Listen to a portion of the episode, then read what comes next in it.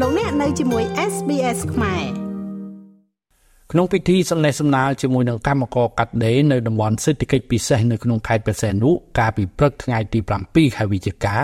លោកនាយរដ្ឋមន្ត្រីហ៊ុនម៉ាណែតបានណែនាំឲ្យមន្ត្រីជំនាញរៀបចំស្ថាបនាផ្លូវរថភ្លើងនៅក្នុងប្រទេសកម្ពុជាឲ្យអាចរត់បានល្បឿន80គីឡូម៉ែត្រក្នុង1ម៉ោងវិធានការថ្មីនេះគឺដើម្បីកាត់បន្ថយការចំណាយនិងងាយស្រួលដល់ការដឹកជញ្ជូនលោកហ៊ុនម៉ាណែត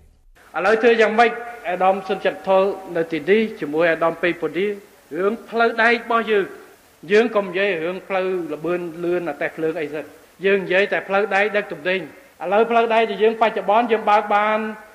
តែភ្លើងយើងទៅបានទៅត្រឹមប្រហែល40គីឡូ50គីឡូម៉ែត្របបោកឥឡូវយើងធ្វើយ៉ាងម៉េច upgrade មួយចំនួនមួយតង់អាចរុញទៅដល់80គីឡូម៉ែត្របបោកដឹកទំនិញបានមួយចំនួន យើងសិក្សាខ្ញុំនឹងអៀបឲ្យសិក្សាអំពីការកាត់បន្ថយតម្លៃដឹកជញ្ជូនតាមផ្លូវអាហ្នឹងវាតាំងពីដើមដល់ដល់អញ្ចឹងបើសិនជាផ្លូវដីនេះយើងធ្វើបានដឹកទំនិញច្រើនមកដល់នេះបងប្អូនឃើញឡានដឹកមួយបានតែមួយទូមានប្រមាណអតេះភ្លើងមួយចង់ពី3គីឡូដីអ្នកចាំពេលអតេះភ្លើងកងកាត់ម្ដងម្ដងជាងការទៅផលិតម៉ាស៊ីនសិនដើម្បីកុំឲ្យអស់សាក់ព្រោះវាវែងពេកដឹកទំនិញបាន ចឹងយើងបង្កើនការដឹកទំនិញតាមទីយើងធ្វើ break check តាមយើងកំពុងធ្វើផ្លូវ highway មួយទៀតទៅដល់បវត្តដើម្បីយើងភ្ជាប់ពីបវត្តភ្នំពេញកំពង់សោមជាប់ពីកើតទៅលិចពីលិចមកកើតដើម្បីជំរុញសេដ្ឋកិច្ចយើងធ្វើ break check យើងធ្វើផ្លូវ highway គម្រោងដើម្បីភ្ជាប់ខាងជើងទៅប៉ុលទី4របស់យើងនៅជំនាខាងបៃលិនខាងបាត់ដំបងដើម្បីយើងភ្ជាប់កសិកម្ម ភ្ជាប់ទាំងអស់មកជាមួយនឹងខេត្តបរសៀនុរបស់យើងអានឹងរឿងសក្តានុពលហេដ្ឋារចនាសម្ព័ន្ធយើងនឹងបន្តធ្វើព្រោះហេដ្ឋារចនាសម្ព័ន្ធវាជួយនៅក្នុងការកាត់បន្ថយតម្លៃដឹកជញ្ជូនអា logistics របស់យើងទីធ្វើឲ្យសេដ្ឋកិច្ចវាកើនតាមផ្លូវមិនមែនកើនតែខេត្តផ្សេងនោះកើនតាមផ្លូវទាំងអស់ឲ្យតែយើងកើនពាក្យខ្មែរថាមានផ្លូវឬអត់ផ្លូវតែមានផ្លូវមានសង្ឃឹមហើយតែទៅទៅដឹងកូនគេតែម៉ែគេថាអត់ផ្លូវចាំចោលអើយតែបើថាអាចមានផ្លូវ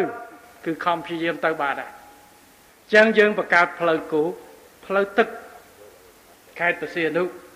យើងទៅជីកពូណនខេត្តបរសៀនុសក្តានុពលនៅក្នុងការអភិវឌ្ឍនៅពងផែទឹកជ្រៅហើយជាផែមួយដែលសំខាន់របស់យើងខែនាំមុខគេហើយតាំងពីមុនសង្គ្រាមជាផែនាំមកឲ្យសក្តានុពលនេះហើយយើងត្រូវបន្តបន្ថែមទៀត លោកនាយរដ្ឋមន្ត្រីហ៊ុនម៉ាណែតក៏បានជំរុញឲ្យក្រុមការងារជំនាញសិក្សាពីការកាត់បន្ថយតម្លៃដឹកជញ្ជូនលើដងផ្លូវនៅក្នុងប្រទេសកម្ពុជាផងដែរក្រសួងសាធារណការនៅដឹកជញ្ជូនបានប្រកាសថាផ្លូវដែកកម្ពុជាបានចាប់ផ្ដើមសាងសង់ដំបូងក្នុងទសវត្សរ៍ឆ្នាំ1930ដល់ឆ្នាំ1940ផ្លូវដែកកម្ពុជាមាន2ខ្សែគឺខ្សែភាគខាងជើង និងខ្សែភាគខាងត្បូងដែលមានប្រវែងសរុប650គីឡូម៉ែត្រ ផ្លូវដែកភាគខាងជើងមានប្រវែង386គីឡូម៉ែត្រពីភ្នំពេញទៅដល់ប៉ោយប៉ែតជាប់ព្រំដែនប្រទេសកម្ពុជានិងថៃត្រូវបានសាងសង់ឡើងចាប់ពីឆ្នាំ1929ដល់ឆ្នាំ1942ក្នុងសម័យអាណានិគមបារាំង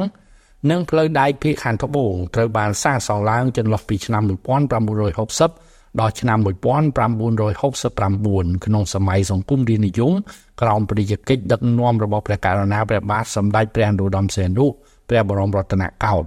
ក្រោមជំនួយរបស់ប្រទេសបារាំងអាល្លឺម៉ង់ខាងលិចនិងប្រទេសចិន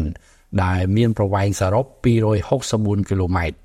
ផ្លូវដែកទាំងពីរខ្សែនេះត្រូវបានទទួលរងការខូចខាតខ្ទេចខ្ទាំយ៉ាងធ្ងន់ធ្ងរហើយផ្នែកខ្លះត្រូវបានបំផ្លាញទាំងស្រុងដោយរបបកម្ពុជាប្រជាធិបតេយ្យខ្មែរក្រហម។ បច្ចុប្បន្នផ្លូវដែកទាំងពីរខ្សែត្រូវបានសាងសង់និងជួសជុលដាក់ឲ្យប្រើប្រាស់ឡើងវិញតាមរយៈការសហការរវាងក្រសួងសាធារណការនិងដឹកជញ្ជូននិងក្រុមហ៊ុន Royal Railway កម្ពុជា ដែលផ្ដល់សេវាដឹកជញ្ជូនទំនិញនិងដឹកអ្នកដំណើរដាក់ឲ្យដំណើរការកាលពីឆ្នាំ2016និងឆ្នាំ2018ក៏ប៉ុន្តែការធ្វើដំណើរតាមផ្លូវរថភ្លើងនៅក្នុងប្រទេសកម្ពុជានាពេលសប្តាហ៍ថ្ងៃត្រូវចំណាយពេលធ្វើដំណើរយូរដោយសារតែរថភ្លើង អាចរត់បានត្រឹមតែ40ទៅ50គីឡូម៉ែត្រក្នុង1ម៉ោងតែប៉ុណ្ណោះខ្ញុំបាទមេងផល្លា SBS ខ្មែររាយការណ៍ពីរាជធានីភ្នំពេញ